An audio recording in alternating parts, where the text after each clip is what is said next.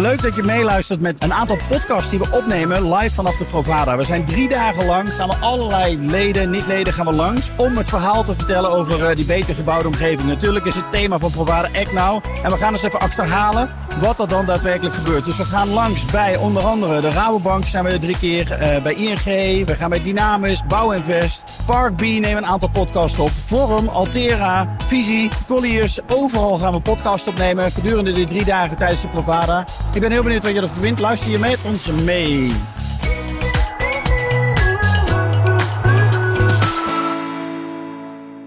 We zijn vandaag eh, op de Provada. We zijn op de stand van de Rabobank. En eh, ja, we gaan het hebben over digitalisering in eh, bouw en, eh, en vastgoed. Herbert eh, Belthuis, welkom. Dankjewel. Leuk om bij jullie te zijn. Ja, dankjewel. Heel leuk om hier te zijn. Wat Eerste een- dag Provada, hoe is het weer? Ja, waanzinnig. Wat een dynamiek. Heel mooi. Heel mooi om te zien. Lekker hè? Ja, waanzinnig. Wat, wat doet de Rabobank op het gebied van nou ja, wat, start-ups, scale-ups binnen de bouw en vastgoed? Ehm nou, Rouwbank is twee jaar geleden begonnen met een nieuw initiatief. Wij noemen dat Start- en Scale-up Banking. En dat is echt eh, eh, zeg maar, eh, een doelgroepbenadering op alle start-ups en scale-ups in Nederland. Dus wij zijn een klein team begonnen om zeg maar, met name de start-ups en de scale-ups van Nederland te ondersteunen in elke, elke levensfase zeg maar, waarin ze zitten. Dus dat is eigenlijk vanaf idee tot aan proof of concept, tot aan marktintroductie en vervolgens naar scale-up en naar internationalisatie. En dat doen wij op drie assen. We, hebben, we helpen met eh, funding, met kennis en met netwerk. En eh, nou, binnen Raalbank... eh, Nou, die hebben- zijn alle drie aanwezig binnen de Rabobank. ja, ja, gelukkig wel, ja. ja. ja. En ehm, nou, dat doen we op dit moment landelijk. We hebben landelijke dekking. Dus we, gaan, we kunnen zeg maar, elke start- en scale-up helpen, waar ook in Nederland, waar die zit. Ehm, en, ehm, Maar waarschijnlijk ook sectorbreed. Dus het is niet alleen bouw en vastgoed nee, dat jullie nee, want je vroeg inderdaad Ja. van, van bouw en vastgoed, maar we doen eigenlijk alle sectoren. Ja. Eh, en ja, met name de innovatie is natuurlijk super interessant. eh, wat je in ja, elke sector eigenlijk voorbij komt. En ook in die bouw- en die vastgoedsector. Ja. En wie heb je vandaag meegenomen voor deze podcast? Nou ja, eh, het was eigenlijk heel makkelijk. Want er werd mij gevraagd van... kun je een innovatieve ondernemer eh, uit, je, eh, eh, nou uit jullie doelgroep eh, meenemen? Eh, en eh, ja, ik moest dus eerst denken aan eh, Erik eh, Nieuwenhuis van One to Build. En eh, ja, dat is echt, echt, ik denk, een eh, disruptief eh, bedrijf in, in, de, in die bouw- en, die, en vastgoedwereld. Ehm, eh, ja, vanaf de zolderkamer begonnen, eh, inmiddels twaalf jaar eh, bezig. En ook nu alweer hun sprieten aan het, uit, of, zeg maar, aan het uitbreiden richting het buitenland. Ja, ik kan wel heel veel vertellen, maar ik denk dat het beter is dat Erik zelf aangeeft wie hij is en wat hij doet. En in mijn ogen is het een ja, hele bijzondere, unieke ondernemer. Erik, welkom. Ja, dankjewel. Rode blasjes op de wangen, Wouter. ja, mijn naam is Erik Nieuwenhuis. Ik ben inderdaad initiatiefnemer van Want to. Want to is uh, ja, 15 jaar geleden alweer uh, hebben we het uh, gestart. Jongens, zo. Als afstudeerproject inderdaad. En um, nou ja, nu zijn we uh, 15 jaar verder, 70 medewerkers, meer dan eigenlijk. En meer dan 70% van die bouwomzet raakt ons platform ook wel aan. Um, ja, meer dan 8, 8400 projecten geloof ik vorig jaar. Uh, in de woningbouw en de utiliteitsbouw, waar, uh, waarvoor bouwbedrijven, hoofdaannemers, offertes aanvragen bij hun vaste uh, kooppartners. En, en daarnaast ook partijen uit de, uit de markt. En wat wij ook faciliteren. Dus wij zijn ook een marketplace waarop vergelijkende offertes aangevraagd kunnen worden. Ja. En innovatie, ja, nieuwe partijen die, die nu ook opstaan, gevonden kunnen worden. Hey, maar dan heb jij ook nog iemand meegenomen, want we gaan het hebben over innovatie, digitalisering, datagebruik in die hele bouwwereld. Uh, ja. Vertel. Uh... En toen dacht ik inderdaad gelijk aan Jan-Paul Schop. Welkom Jan-Paul, uh, fijn dat je er bij bent. Ik uh, mag jou uh, kort introduceren en vul mij maar aan. Ja. ja ben ik... jij ook begonnen op de zolderkamer? Ja, inderdaad. Ja, dat klopt. Uh, ik ben al 30 jaar bezig. Uh, econoom. En uh, direct na mijn afstuderen ook begonnen met het bedrijf. Ik heb een marktonderzoeksbureau, gespecialiseerd in de bouw, installatie en uh, vastgoedwereld. Um, zoals gezegd, al 30 jaar actief, of volgend jaar 30 jaar actief. Uh, doen dat met elkaar zo'n 60 man. Het tweede bedrijf wat ik heb heeft ongeveer 20 man, dus bij elkaar 80. Allebei gericht op die bouw, installatie en homeproofmarkt. USP is heel erg internationaal. Dus wij werken met name voor de toelevende industrie aan die bouwketen. En uh, ongeveer 80% van onze omzet komt vanuit het buitenland. Ja, mooi. hey jongens, we gaan het hebben over de ontwikkelingen in en, en bouwen. Maar rekening houden natuurlijk met die huidige prijsstijging ook. Uh, bouw, uh, bouwprijzen lopen enorm op. De rente loopt, uh, stijgt nou, best wel hard ineens. projecten worden geannuleerd. Hoe gaan we ehm, ja, deze klus klaren met z'n allen? Want er worden ook, we moeten ook nou, 900.000 woningen bouwen, volgens Hugo de Jonge. Ja, de komende tien Ja. jaar. Ja. Eh, als je kijkt ook naar de demografische ontwikkeling in Nederland, zie je dus echt wel dat we nu al een tekort aan woningen hebben. En als je natuurlijk de kranten openslaat, dan zie je echt elke dag dat wij als BV Nederland van plan zijn heel snel arbeidsimmigranten naar Nederland toe te halen. Ook nog. Vanochtend komen er ook nog bij. lag ik dat ze dat uit de Franse banlieue wilden doen, uit Parijs. Toen had ik zoiets van, nou, hebben we nou niets geleerd van de jaren 60? Ja, er zullen ook wel eh, in andere landen mensen te vinden hebben die misschien een eh, beter profiel hebben. Maar Ja. eh, maar in ieder geval, wat je zal gaan zien de komende jaren. we vergrijzen, veel mensen gaan met pensioen. We hebben nu al enorme arbeidstekorten. En eh, er zijn gewoon, eh, om, om die economie draaiend te halen en de groei ook te faciliteren, hebben extra mensen nodig. Nou, eh, gegeven zeg maar de, de, de babypolitiek die wij als Nederlanders zelf hebben, met één à twee kinderen, gaan we daarmee de oorlog niet redden. En dus betekent dat mensen van buiten moeten komen. En dat betekent dus ook dat je dus bovenop het huidige woningtekort nog meer woningen nodig gaat hebben. Ja, klopt. En, goed, daarnaast denk ik dat misschien nog wel een belangrijkere kans die er ligt om toch die 900.000 woningen te gaan halen. Hè. Vorig jaar zaten we geloof ik op 70.000. Dus als we het naar 2030 toe willen gaan halen, dan hebben we er 120.000 ongeveer per jaar nodig. Dus dat is bijna we- verdubbeling. Ja, dat gaat hard. En, Ja. eh, nou ja, wat ik, eh, wat ik las hè, uit onderzoeken van de ABN en eh, nou, Jan Snel, die is overgenomen hè, door Daiwa, een grote speler uit Japan Ja. die 150.000 woningen per jaar fabriceert. Ja, dan kan je dus met een groei van 40% ongeveer op die woningbouwproductie wel een heel eind komen naar die 120.000. Maar dan zal het ook goedkoop moeten blijven. Want anders dan gaat het niet meer betaalbaar blijven met die oplopende rente. En daar, daar, is denk, daar ligt denk ik ook een groot deel van de zorg. Wat zie jij in jullie platform qua prijsstijgingen en hoe eh, nou ja, er wordt aanbesteed en hoe leveranciers met elkaar samenwerken op dat vlak? Ehm, ja, ik zie een stabilisering van het aantal projecten. Dus vorig jaar eh, is het aantal projecten naar... eh, moet ik eventjes eh, mijn speakbriefje kijken hoor. Hier, hier dataset. Ja, mijn data room. vorig jaar 8770 projecten. En dat waren er toen 10% meer. Alleen in Nederland dan, hè, dan het jaar daarvoor. En we hebben eigenlijk hè, het gros van die, van die projecten lopen altijd al, lopen al over ons platform. Dus we kunnen ook vrij goed zien van hoe gaat het nou hè, qua trendlijnen. Ja. En ehm, ja, dus we zien dat het aantal projecten stabiliseert licht afneemt. En dat de concurrentiedruk ook licht afneemt. Hè, dus die gaat van 2,8 eh, naar 2,6 per werkonderdeel. Wat betekent dat als de concurrentie afne- afneemt? Dat je offerten met 1,6 andere offertes vergeleken worden. Oké. Ja. Ja, en dat is ja, een hele reële kans op gunning dus, daarmee. ja. Ehm, Maar dus gaat daardoor zijn de prijs nog een, verder eh, omhoog? Omdat je weet dat je meer kans maakt? Of eh, wat heeft, het op de, heeft dat effect op de prijs? Nee, ik denk niet. Ja, weet je, natuurlijk zijn wij een tool die, eh, die, die bouwers helpt om eh hun partner scherp te houden. Alleen, ehm, ik denk in de industrialisatie dat je daar verder komt met goede samenwerking en co-partnerships. Als je Ja. kijkt naar bijvoorbeeld eh, kanaalelementen, ja, dan hebben ze een scoringskans van 70%. Ja. Hè, die, die prefab kanalen, Ja, ja, ja. platen, ja, dat, dat, dat is natuurlijk een hele andere tak van sport dan, eh, dan de roltrappen. Ja, ja, die industrialisatie is absoluut een must.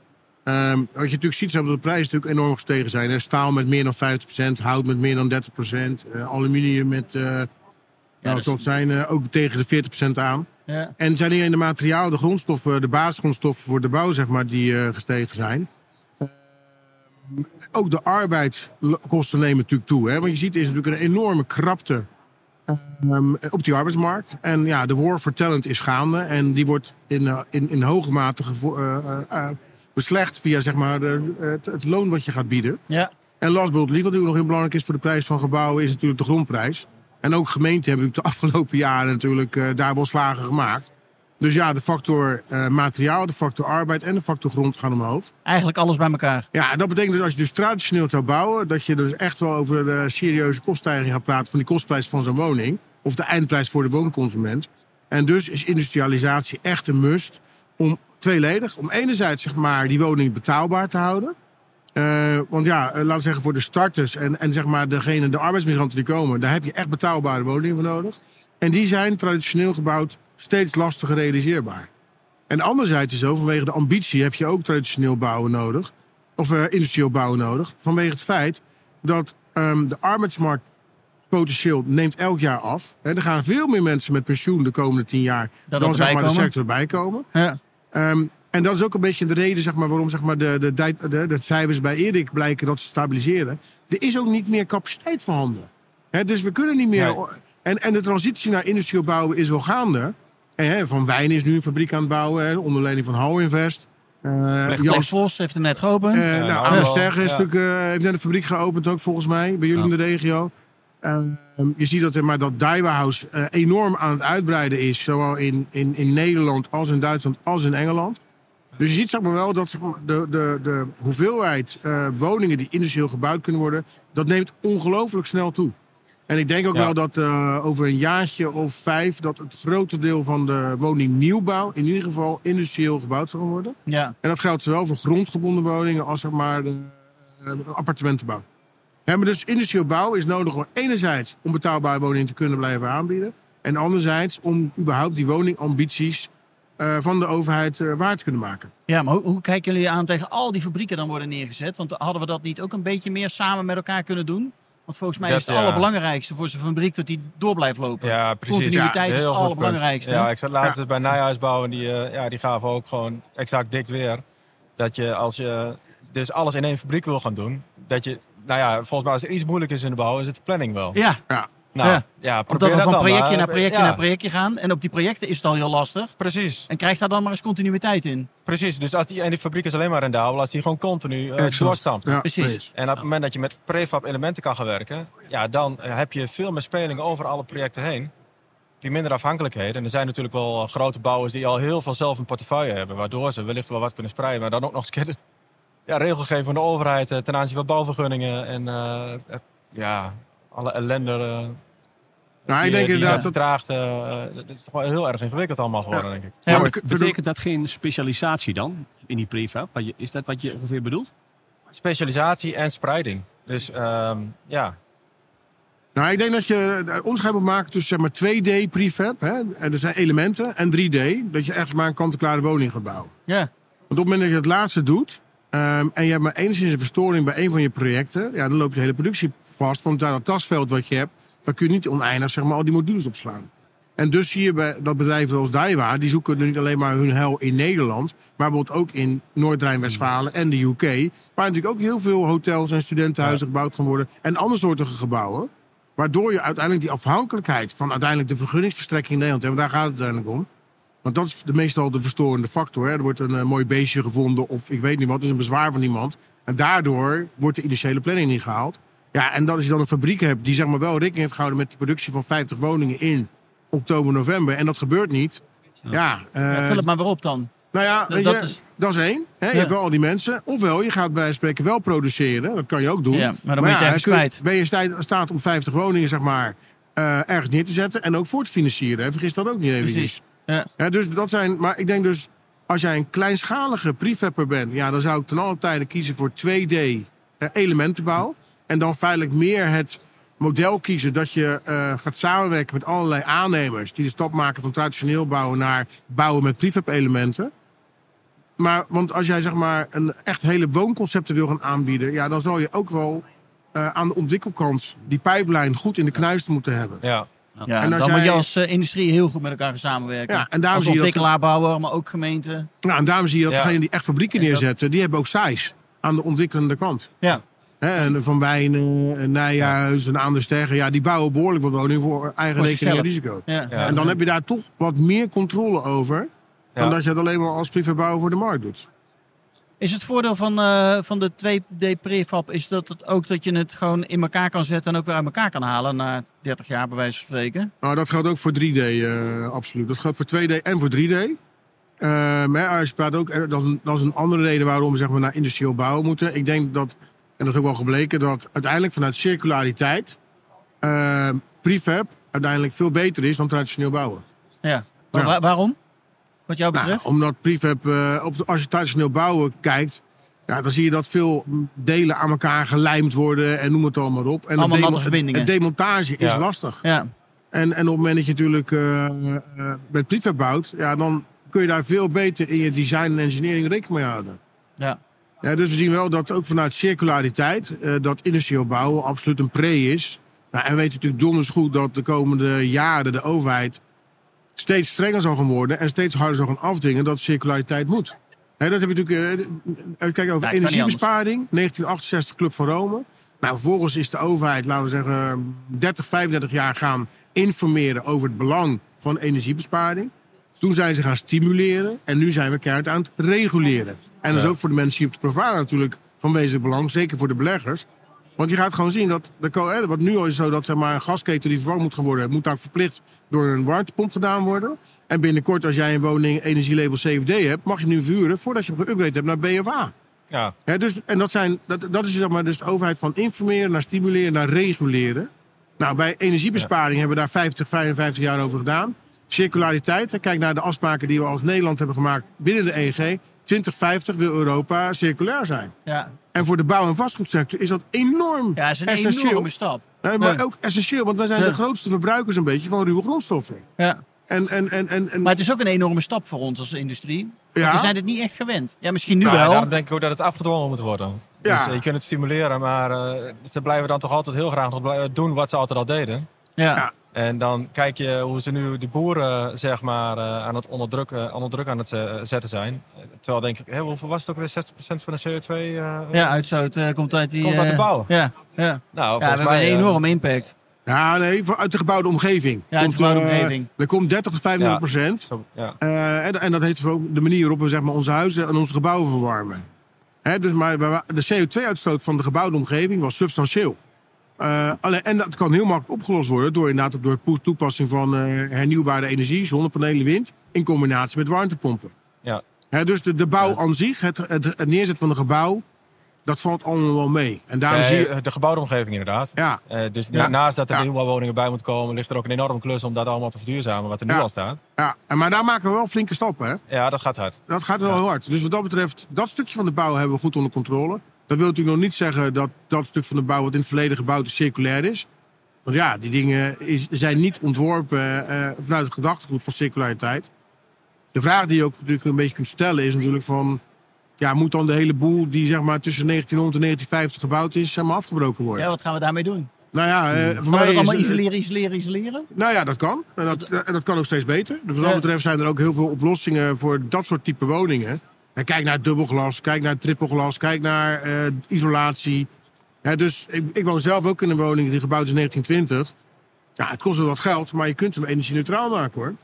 Ja? Ja hoor. Dat is Ja. jou wel gelukt. Nou ja, Bijna. één- één deel wel. Eh, maar het andere deel moet ik nu nog doen. Volgens mij geen tussenwoningje of zo. eh. Nee, nee, nee, dat is ook zeker niet zo. Nee, dit is alles op een naam. Hè, Dus, dus inclusief het zwembad. Maar je kunt het doen, mits je maar bereid bent die investering te maken. Ja. En ehm, Nou ja, en geleden- gaat het er vaak over. Van, moet die investering dan ook rendabel zijn? Of zijn we gewoon aan het kijken van jongens, we zijn de wereld ook een stuk beter aan het maken. Dus eh, reken dat dan ook maar eens even mee. daar hebben we enorm veel onderzoek naar gedaan. Uiteindelijk is maar een heel klein percentage van de Nederlanders die dat soort investeringen doet vanuit een groen hart.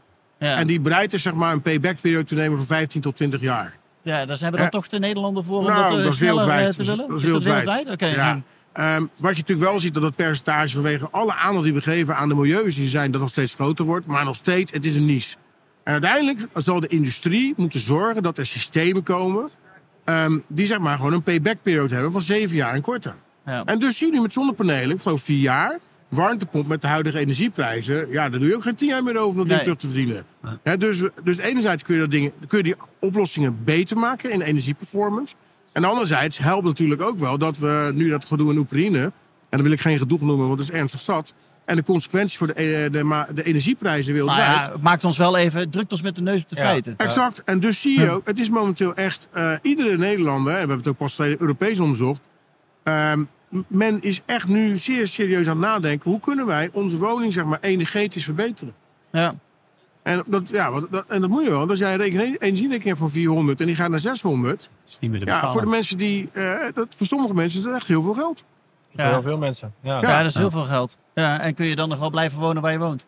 Ja, exact. Ja. exact. En als je niet weg kan, omdat er ook niks anders beschikbaar is, ja. dan Ja. wordt het wel heel penibel. Ja, hè, dus digitalisatie en, en, en, en, en met name industrialisatie ja, is ook vanuit zeg maar, eh, circulariteit. Hè, dus het is belangrijk om het betaalbaar te houden, om de woningopgave zeg maar, eh, eh, te doen. Het is ook nodig om zeg maar, het tekort aan arbeidskrachten, wat steeds serieuzer wordt, om dat op te vangen. En last but not least, circulariteit. En dus industrieel bouwen, hoe dan ook. Ehm, de vraag is natuurlijk een beetje 2D, 3D. En dat is denk ik een beetje afhankelijk van de situatie. Hey, nou hadden wij in het voorgesprek het over, over die bouwkosten, eh, Ja. die, die, die prijsstijgingen. En ehm, Erik, jij zei ook van eh, die prijsstijging is misschien wel helemaal niet zo verkeerd. Is misschien ook wel eens goed. Hoe bedoel je dat? Ja, dat was wel Jan Paul Ja, die dat ik- zei. ik volgens zou- mij. Oh, Maar Paul, ik zal sorry. die hete aardappelen... maar af, ik heb nog een aanvulling, eh, Jan Paul. Die, die ja. hete aardappel pak ik wel even mee. Ja. Eh, want ja, natuurlijk. Prijsstijgingen zijn natuurlijk nu, hè, als ik dit zeg, heel veel bouwbedrijven die tegen mij zeggen: ja, idioot. Ja, ben mijn jij dan? Ja, je zien- oppassen hier. en wij onderzoeken elke maand samen met eh Cobouw hè, en, en vastgoedmarkt de, hoe gaat het nou in die hele bouwketen. Wat we het eerste zien op dit moment is dat het sentiment, hè, hoe kijk je naar de toekomst aan, is negatiever dan begin COVID. Echt waar? Ja. En dat, Maar hoe kan dat dan? nou, dat kan ik je wel vertellen. Ehm, ze hebben twee problemen. Er is genoeg werk, Ja, maar ze hebben niet maar genoeg was tijdens mensen. COVID ook, denk ik. Ja, maar toen vielen dingen stil. En toen was je wel onzeker. Maar we had- we hadden binnen een maand door dat eigenlijk de bouw wel door kon draaien in Precies. Nederland. Ja. Maar nu heb je eigenlijk een veel ander probleem. Het personeelsprobleem is veel eh, eh, eh, serieuzer geworden op dit moment. Dat is echt serieus. En daarnaast is het zo dat je kan wel veel werk hebben. Maar als het geld eruit vliegt, omdat jij niet in staat bent... die projecten die je zeg maar in 2019, 2020 aangenomen hebt... tegen een bepaalde fix fee... En de, en de prijs van die onderaannemers en dat materiaal is sky high gegaan. ja. Ja, dan kan je wel druk zijn, maar op het moment dat het geld eruit vliegt, dan is, dan is mijn sentiment ook niet heel erg rooskleurig hoor. Nee. Dan heb ik ook Nee. zoiets van, nou, Ja, het is moeilijk eh, te voorspellen wat daar eh, verder gaat gebeuren. Is dat het lastige nu voor, voor de bouw? Om eh, een inschatting te maken over materiaalkosten? Ja, ik denk dat het zo is. Maar ik Kijk, wil nog even even- terug, Ja? over die vraag voor jou van Die heet waarom het, waarom het wel goed is. Ja, is Kijk, goed. de bouw is overhit. En ehm, ik denk uiteindelijk dat, dat men met die hoge prijzen nog meer doorheeft. En, en de opgave de komende jaren ligt natuurlijk met name bij het startersegment. En het segment wat zich bezighoudt met de nieuwkomers in Nederland. Dat het arbeidsmarktkort gaan opvullen. En dat zijn we- meestal niet de mensen die zeg maar een 200 een kap of een vrijstaande woning kunnen betalen. Dus we moeten in dat startersegment aan de slag. En aan de andere En kant seniorenwoningen misschien ook wel? Ja. Om de doorstroming tot stand te brengen? Kan. Of- ja, ja, Ja. kan. Maar je ziet er ook wel duidelijk dat senioren steeds langer thuis blijven wonen. En ook dat... Alleen als Jorg Dat moeten we verbieden. Ja, maar ja, goed. eh ga jij iets vertellen aan jou? Dus? Nou, die Eh, zitten er wel over na te denken. Om kleiner te gaan wonen. Ja, dat kan. Dat, is, Dat eh, kan. Ja. eigen- dat vind ik heel Ja. goed. Ja. Ja, maar het, is, het staat gewoon onder druk. Dus Ja. de, Haalbaar is zelf ook met een project van 33 appartementen bezig. En dan zie je gewoon dat je echt moeite moet doen hè, om, om een duurzame project, zeg maar, eh, om, om een paar procent marge te pakken. Ja. Ja. Ja, dat Ja, zijn ja, dat- risico's. en Maar wat dan zou heb je er het dan moeten veranderen? 20%, Ja, eh, je hebt het over risico's, maar bij wie moeten die risico's liggen van die materiaalprijzenstijging? Ja, maar dan ga je dus praten over contractvormen. Hè? Eh, ehm, ja, ik denk dat het er wel een keer... Kijk, in heel veel sectoren, als ik naar de industrie kijk waarvoor wij werken... Het is heel simpel. Die hadden bij spreken, sommigen hadden eh, één keer per jaar... sommigen twee keer per jaar een prijsverhoging. En nu zeggen ze allemaal tegen hun klanten... "Van, jongens, toedeledokie. We gaan het elke maand doen, indien nodig. Ja. Ja, maar bij, bouwen, bij bouwprojecten liggen we toch net even wat anders. Het is enorm complex om prijsstijgingen door te voeren. Dat zien we ook in allerlei onderzoeken. Slechts een deel van de aannemers, bouwbedrijven, is in staat maar, die prijs door te voeren. Ehm, ja, en je zult wel moeten gaan kijken als bouwend Nederland. En dat bedoelt de sector, maar gewoon in het algemeen. Hoe kunnen we de contractvormen gaan Ja, veranderen? nou ja, dat is natuurlijk wel. Kijk, de, de gemiddelde eh order, order provider is 12, 12 maanden, zag ik in jouw eh, Ja. mooie bouwmonitor. Ja, Nou, die, die, die prijzen die staan eh, voor eh, maximaal een maand. En de sommige hebben sta, staal vol met dagprijzen eh, vast. Dus Ja. eh, hoe ga je dat dan doen? En nou ja, dan is er een intentieverklaring, geloof ik, eh, opgemaakt door Hugo de Jonge met allerlei partijen. eh, dat die, eh, die risico's eigenlijk meer, door meer dan één partij genomen moeten gaan worden. Oké. Ja. Dus dan zou, hè, denk ik dan, is mooi als daar eh, eh, het initiatief genomen wordt. Mooi dat wanneer de overheid zeg maar, daar ook in mee zou willen werken. Om dan ook risico te willen nemen. Ja om, prij- om, om flexibele pricing te gaan toepassen in die contractvorming. Lijkt mij wel nodig om. eh, kijk, wij, wij hebben natuurlijk ook veel contact met ondernemers in bouw. En eh, wat wij, wat wij gewoon heel duidelijk horen nu is dat er echt veel projecten op on hold worden gezet. Gaten Ja. vallen erg. wel, eh, Omdat in- men in het niet aandurft? Het sentiment is onzeker. Ja, Ja. ja. ofwel een misschien dat jij dat kan bevestigen, Herbert. Want in de, in de, in, in de financiering van al die projecten zal het, zal het toch ook allemaal voorbij komen? Of, of krijg je daar niet veel van mee? Op dit moment heb ik daar nog niet heel veel van meegekregen. Maar ik kan me dat wel voorstellen. Weet je, ik heb in, in mijn eigen kennissenkring ook iemand die, die had zijn huis te koop gezet. En die, die had drie bezichtigingen en die zijn alle drie afgezegd. Ja, Ja, dat is ook een teken aan de wand, hè? ja. Ja. Nou, Ja. ik denk wel, kijk, het is nog steeds een tekort. En we moeten nog heel veel doen. Dus ik wil niet negatief zijn over de toekomst van de bouw. Verder van zelfs. Ik denk alleen wel, eh, we zien wel wat factoren waardoor het zeg maar, minder hosanna is eh, dan een jaar geleden. Maar dat ligt volgens mij meer aan de supply kant dan aan de demand kant. En natuurlijk, als die rente... Kijk, de vraag is ook... Ik zat in de auto en toen hoorde ik een interview van de hoofdeconoom van de ING. Sorry dat ik het zeg. Maar hè, die zei ook van ja, hoe hoog gaat die rente nog... Hoe ver gaat die nog stijgen? Het is niet te verwachten dat die naar 6, 5 procent gaat. Hè, en die inflatie zal binnen nu en een half jaar wel onder controle zijn. Hè, dus dan hebben we die... Ik, ja, dus we moeten even door deze paar maanden moeten we even heen. ja, en, uiteindelijk, we hebben als Ja? BV Een Nederland... paar maanden, ja? Nou ja, kijk, inflatie, laten we, inflatie begon natuurlijk november eh, vorig jaar. Ja. En, en we vergelijken het natuurlijk elke keer met een jaar terug. Dus ja, ehm, op een gegeven moment, ik, ik, ik heb niet idee dat de prijs nog verder Ja, doorstijgt. voor het. ECB moeten ze er natuurlijk ook wel mee, ja. Ja, we, dus je proberen natuurlijk het wankele evenwicht te vinden tussen Ja. enerzijds de economie een klein beetje afremmen. Maar ook moeten ze ervoor zorgen dat ze niet de economie in een, in een, in een disaster, in een, in een recessie sto- stoppen. Ja. Je ziet dat alle crises in de historie zijn, en ik kom even als econoom. Alle crises in de historie zijn eigenlijk altijd veroorzaakt door verkeerd ingrijpen van de centrale bank. Dat die te, te grof doen. En, en, ja. Ja. en dan gaat het fout. Hè, dus je moet het, en dat hebben ze wel door. Ehm, Dus ze grijpen er heel gematigd in, half procentje hier, of een kwart procentje hier. Ja, Ja. maar ga toch nog even terug naar die hete aardappel. Want die vraag is Ja. nog steeds niet beantwoord. Waarom zou het goed zijn? Ja, ik denk uiteindelijk dat... ehm, ik denk dat het is goed om een discussie te voeren over, en dat, over dat issue van de prijsvorming. Wat al jaren, of al decennia lang een issue is. Waardoor de bouwer eigenlijk altijd opdraait zeg maar, voor de, de negatieve prijsontwikkelingen die er zijn. En het tweede denk ik dat het ook gaat helpen dat die sector nog harder dan ze nu al doet. Gaat nadenken van ja, hoe kunnen we nou op een dusdanige manier gaan produceren dat we veel minder afhankelijk zijn van die prijsontwikkelingen. Kijk, want als ik natuurlijk naar de automotive ga kijken, die hebben echt wel een prijsonderhandeling gedaan hè, met, met de toelevende industrieën. Ja, En die hebben toch ook heel veel staal dat ze moeten gebruiken voor ja, aluminium maar, of... eh, maar die hebben een dusdanige size dat ze natuurlijk andere contractvormen hebben dan zeg maar een lokale bouwer.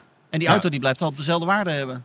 Althans, Nou, dat weet ik niet helemaal. Maar, nou ja, niet, Ja, maar- niet dezelfde waarde, maar in ieder geval dezelfde verkoopprijs. Ja, precies. Ja, bedoel ik. Ja. Ja, Ja, maar oké, ze- ja. Ja, die Amerikanen zeggen ook never waste a good crisis. En nou, vanuit die optiek denk ik van nou, deze crisis, hè, op het gebied van prijsstijging, om het zo dan even te noemen. Ja, die zal de sector ertoe dwingen versneld na te denken en in- te implementeren over industrieel bouwen. Ja. En secondly, eh, ja, Over de ook- prijsvorming. Exact, Ja. die discussie op te Dus starten. bij wie dat moet is een betere manier om het af te dwingen dan eh, vanuit de overheid, zou je kunnen zeggen. Want het is eigenlijk nog maar één manier om Ja. toch die productie te halen. En dat is met eh, Ja, industrialisatie. ja. Ja, gaat zien om- jullie je rol inderdaad, Nou Erik? Vanuit Want to. Build brengen jullie vraag en aanbod bij elkaar. Ja, ik, eh, ge- ik, ik haak er graag op in en vul er graag op aan. Eh, het voordeel van de prijsstijging vind ik ook wel dat, eh, dat die bouwen nu op, deze manier misschien wel deels onterecht wat makkelijker toe zou kunnen gaan komen aan gezonde marges. Dit jaar zal denk ik een moeilijk jaar worden voor vele bouwers. Vorig jaar zullen ze een goed, jaar hebben gehad. Maar aan de andere kant, ehm, die marges sloegen natuurlijk ook helemaal nergens op. En door die, deze prijsstijging hoop ik dat er toch wat meer ruimte kan gaan staan voor de normale salarissen. En dat het bouwen een wat uittrekkelijke plek eh, kan gaan worden. Voor mensen die daar werken. En eh, onze rol als Want to Build. Kijk, wij komen 15 jaar geleden uit een eh, periode van dat er heel veel papier werd gestuurd. Je zou kunnen zeggen, we zijn van papier naar PDF gegaan. Ja. Als gegevensdrager. En wat we nu zien gebeuren internationaal, Amerika, maar ook in, in Duitsland al, ehm, dat we van PDF naar data gaan. En dat wil zeggen, de, begrotingsregels en datgene wat eigenlijk op die offerte staat in die factuur, dat is data waarvoor die PDF niet per definitie noodzakelijk is. Dat is data die wij als platform zouden moeten kunnen eh, verbinden en ontsluiten. Dus eh, anders gezegd dat je hoeveelheden makkelijker moet kunnen gaan eh, afprijzen, materiaallijsten makkelijker moet kunnen gaan afprijzen. Waardoor je ook makkelijker en sneller tot een offerte kan komen. Want het, Ja. om, om tot die hoeveelheden te komen, het is belachelijk hoeveel tijd dat kost en hoe foutgevoelig dat het is. Dat is ook iets waar hoofdnemers blijkbaar nog weer van eh, profiteren soms. Hè? En dat wil je niet met elkaar. Je wilt transparantie. Eh, en, en, en het leuke is dat op het moment als je dat goed faciliteert, dat proces, dat inkoopproces, ehm, ja, dan eh, kan je die data natuurlijk ook weer opnieuw gebruiken eh, om eh, later eh, opnieuw aan te klikken van nou, dit, is, dit zijn mijn prijzen. Ehm, en, en die aannemer die kan op een Coolblue-achtige manier dat weer met elkaar vergelijken. Waarbij aan ons uh, de missie ook is om kwaliteit en track record ook het podium te geven. He, dus met ons tool Evaluator uh, zijn er al duizenden beoordelingen, beoordelingen gedaan uh, die in kaart brengen hoe die bouwspecialist scoort in elke fase van, van, qua samenwerking. Ja, precies. Ja. En ja, dat, dat is ook en daar zou dus veel meer op gestuurd te kunnen worden. Ja, precies. Zodat je ook echt die kennis uit de hoofden haalt en mailboxen van de, de mensen die bij een bouwbedrijf werken. Uh, dat centraliseert.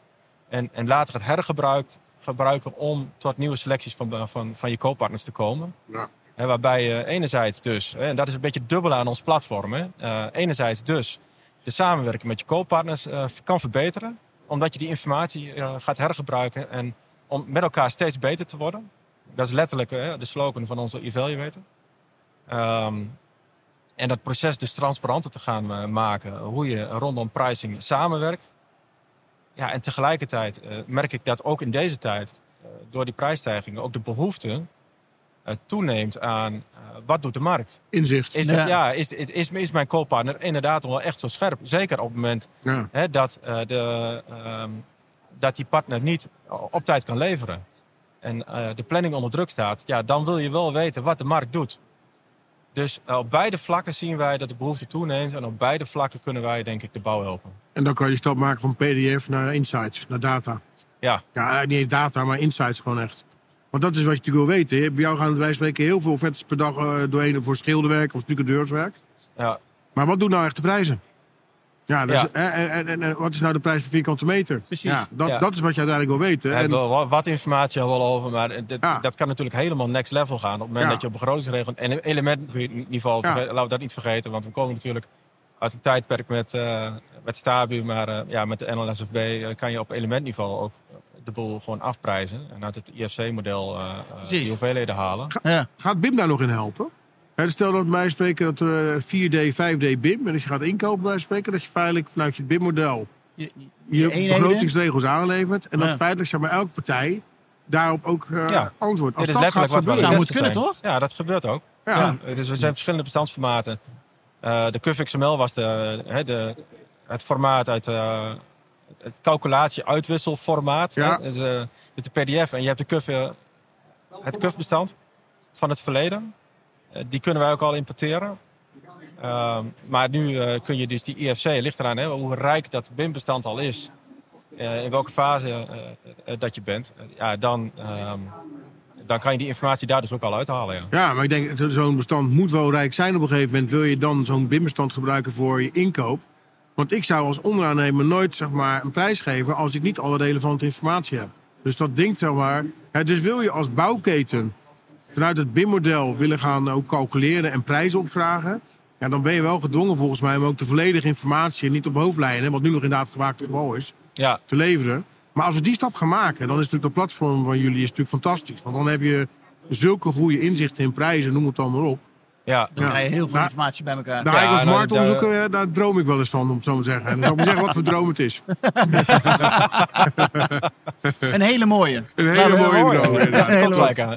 Ja. Ja. Nee, maar ja, dat is, dat is denk ik wel waardevol. En tegelijkertijd is dat natuurlijk ook iets waar we het vertrouwen eh, verder over moeten gaan winnen. Door daar goed over te communiceren hoe wij met die data omgaan. Want Ja. en, eh, de, de grotere bouwers eh, willen dat alleen aan onze cloud toevertrouwen. Op het moment dat ze zich van verzekerd voelen. ja, uiteraard. Hè, dat we daar op een goede manier mee omgaan. Hè, dus zo zijn we recent ook 27001 gecertificeerd. Dat we goed eh, onze security op orde hebben. En dan hebben we ook in onze contracten heel, heel duidelijk staan van hey, concurrentiegevoelig data, dat blijft voor, alleen voor jullie beschikbaar. Ja. Hè, en Nee. eh, daar gaan we niet de boer mee op. Eh, daar kan de concurrentie niet hun voordeel mee doen. Ehm, Maar ja, je zou natuurlijk wel kunnen zeggen, joh, dat je niet zozeer op, op, op, op aannemersniveau, dat zou ik ook niet willen als ik bouwbedrijf zou zijn. Maar dat je wel kunt zeggen, joh, kijk naar eh, woningbouwprojecten, grondgebonden 50 plus. Of appartementengebouwen, wat zijn daar nou de prijsverhoudingen? Of Oost, Noord, West, Randstand bij spreken.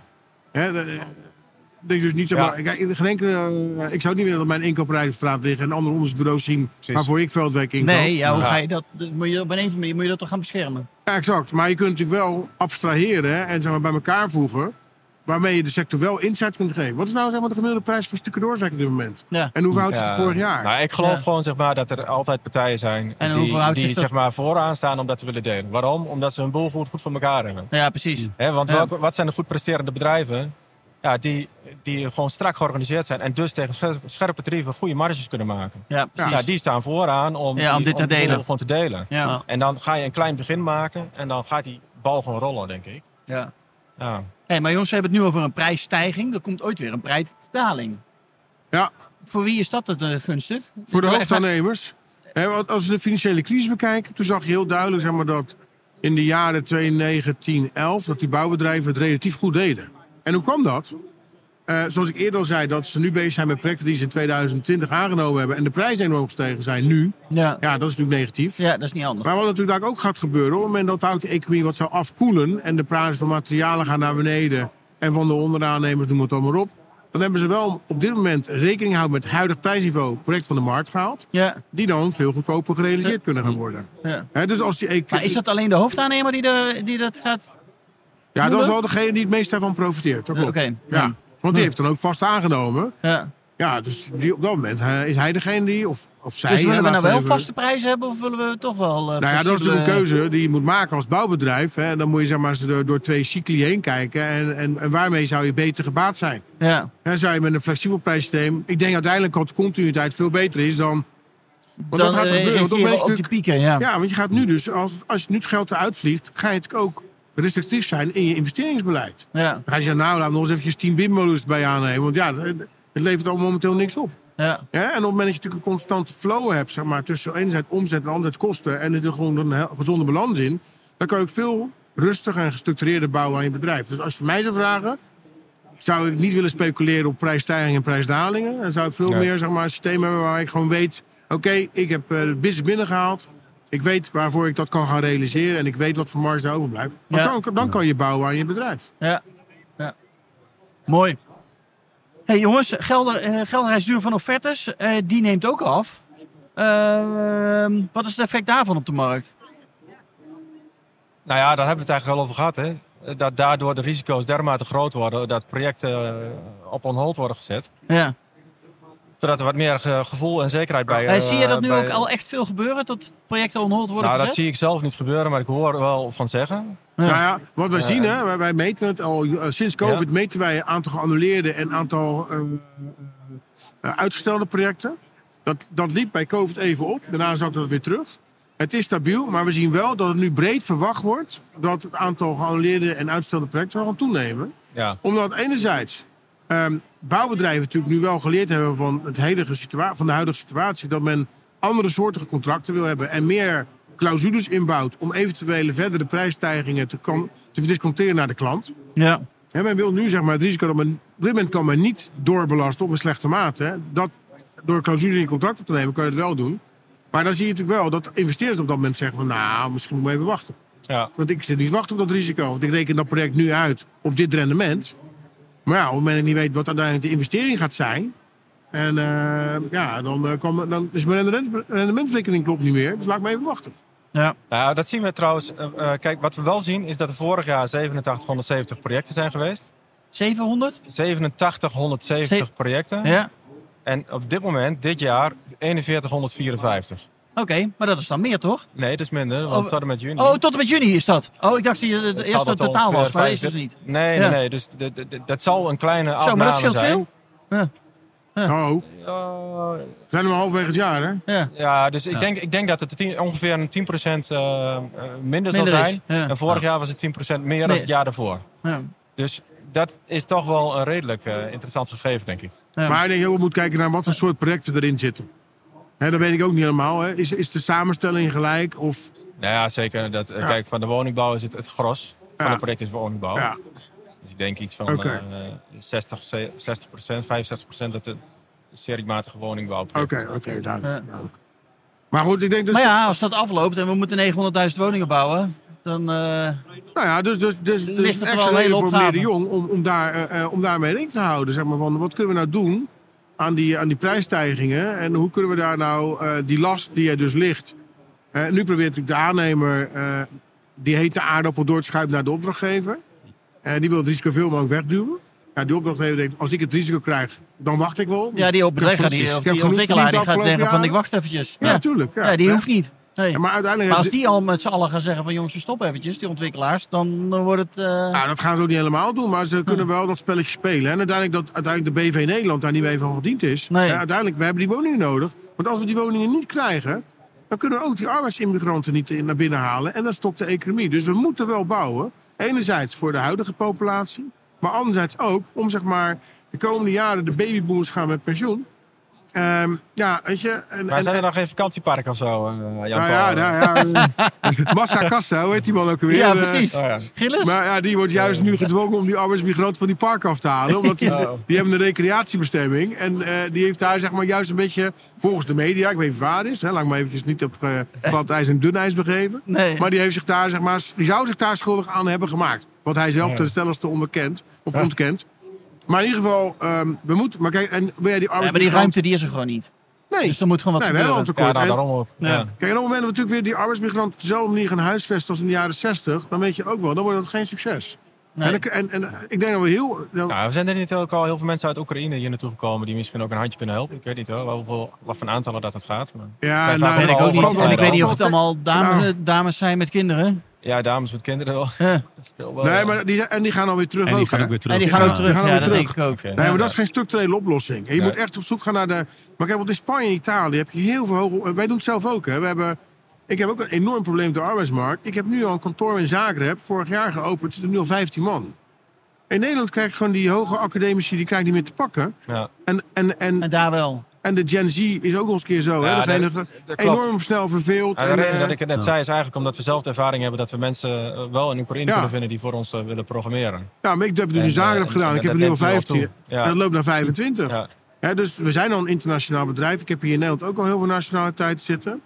Maar ik wil alleen maar zeggen dat in die andere landen vind je heel veel hoog opgeleid personeel. Maar die ga je natuurlijk niet zeg maar, in, een plastic, in een kartonnen doos slapen. Dus die moet je ook wel fatsoenlijk huisvesten. hè. En ook navenant levensomstandigheden bieden. Die zeg maar, ook aantrekkelijk zijn om die stap te maken. ehm, van, van het, dat land naar Ja. hier. Natuurlijk, hè, Maslow is... Als je kijkt naar Maslow, wat is de behoefte? Kijk, als je natuurlijk eh, heel hoog opgeleid bent in Spanje en je krijgt geen baan. Ja, dan wil je natuurlijk geld verdienen, maar je wilt natuurlijk ook wel... eh, Nou, je een- beestje. ja, dat Ja. is wel een van de drie basisbehoeften. Dus, dus, dus, en, en daar zullen we moeten zorgen. En, daar, en dus heeft de BV Nederland dus een enorme opgave om dat te organiseren. Want eh, niet alleen maar voor de mensen die willen scheiden en nu geen huis kunnen vinden. En de, en de, en de mensen die afstuderen nog die het huis kunnen verlaten omdat ze geen huis hebben. Maar ook om gewoon die hele economie eruit te halen. Want we hebben die mensen vaak wel nodig. Ja, Nog dus, één keer. Wat is de oplossing? Industrieel bouwen. Ja, Ja? daar sluit ik me bij aan. Ja. Nou. Dan gaan Ja, we ik- industrieel bouwen. Het enige waar ik nog even na zat te denken was, eh want ik hoor industrieel bouwen en het heeft toch een beetje een andere klank. Want ik, ik, we hebben het heel kort even gehad over circulariteit en duurzaamheid. Maar waar, voor mijn gevoel, waar, waar kunnen die elkaar vinden, zeg maar? Nou ja, omdat wat ik al zei, in je engineering kun je natuurlijk veel beter rekening houden met het feit dat je natuurlijk over 20, 30, 50, 70 jaar die woning weer uit elkaar gaat halen. Mhm. En als je natuurlijk naar een traditioneel gebouwde woning kijkt, dan is dat toch allemaal wat, hè, wat je ook al zei, natte bouwen en natte elkaar verbonden, baksteentjes lijm, elkaar. eh, lijmen en noem het allemaal op. En, eh, hè, dus circulariteit is wat makkelijker te realiseren als je daar in de, in de, in de start heel goed over nadenkt. En, nou ja, en ook ehm, in je materiaalkeuze. en je ziet ook, als jij stel dat je nou Ja. een Daiwa-huis neemt... en die zet nu ergens eh 50 woningen neer... ja, die kan ook makkelijk organiseren dat hij over 50 jaar... of over 20 jaar, over 10 jaar... die woningen weer terugneemt en hergebruikt. Nou, dan praat je over circulariteit. Ja. Als je het traditioneel gaat doen... Ja, ga je dan de stukken door van 20 jaar geleden... en die schilder en die, en die loodgieter, gaan ze allemaal maar bellen... maar die gaan de spulletjes niet terughalen. Nee. Ja, het met, dus- hout, met houtbouw natuurlijk ook veel makkelijker om het demontabel te maken. Exact, Ja. exact. Dus ik denk dat Ja. ehm, het, het feit dat het vanuit één partij komt... eh, en, waar, en, en die partij die weet dat hij over een x aantal jaar dat gebouw weer terug moet nemen... dan zal die in zijn Nou ja, dan daar veel meer, nemen we meer verantwoordelijkheid. Ja. Ehm, en plus het feit is ook makkelijker om degene die het 20 jaar geleden gedaan heeft te lokaliseren. Ja. Dan al die 30, 40 partijen die nu traditioneel bouwen. Dus industrieel bouwen is ook in dat kader circulariteit heel belangrijk, denk ik. Ja. Eh, maar ook dat vanuit al eerder gezegd betaalbaarheid, het opvangen van de arbeidsmarkttekorten. En, en, ja, en dat zijn denk ik wel echt de drie belangrijkste drijvers. Gaan we het daarbij laten, mannen? Ik ben heel benieuwd. Volgens mij moeten we dit volgend jaar nog een keertje doen, eh, Herbert. Dan ben ik benieuwd hoe dan eh, Ik ook. Het met die prijsstijging staat en met industrieel bouwen. Bijzondere tijden. Ja, we Ja. gaan het zien. Dankjewel. Dankjewel, Wouter. Ja, Jean-Paul, Erik en Herbert. Dankjewel, Wouter. Veel plezier nog hier op de Provada trouwens. Ja, jij ook. En net pas net begonnen, dus eh, nog genoeg eh, mensen te spreken over dit onderwerp. Komt helemaal goed. Oké. Okay. Dankjewel voor het luisteren naar deze podcast die we hebben opgenomen tijdens Provada 2000. 2022. Ik hoop dat je andere afleveringen ook gaat luisteren. Maar ik hoop dat je natuurlijk ook een keer naar ons clubhuis komt in Amsterdam. Waar wij om de twee weken een masterclass organiseren over verschillende onderwerpen. Maar ook altijd op de eerste vrijdag van de maand een draait door show maken. Een echte tv-show met publiek aanwezig. Waarbij we natuurlijk borrels organiseren. Zodat mensen elkaar kunnen ontmoeten en netwerken met elkaar. Zodat er een beter gebouwde omgeving gecreëerd kan gaan worden. Ik hoop je snel te zien. Of in ieder geval online of fysiek. En ik wens je nogmaals een hele fijne dag toe. Tot snel!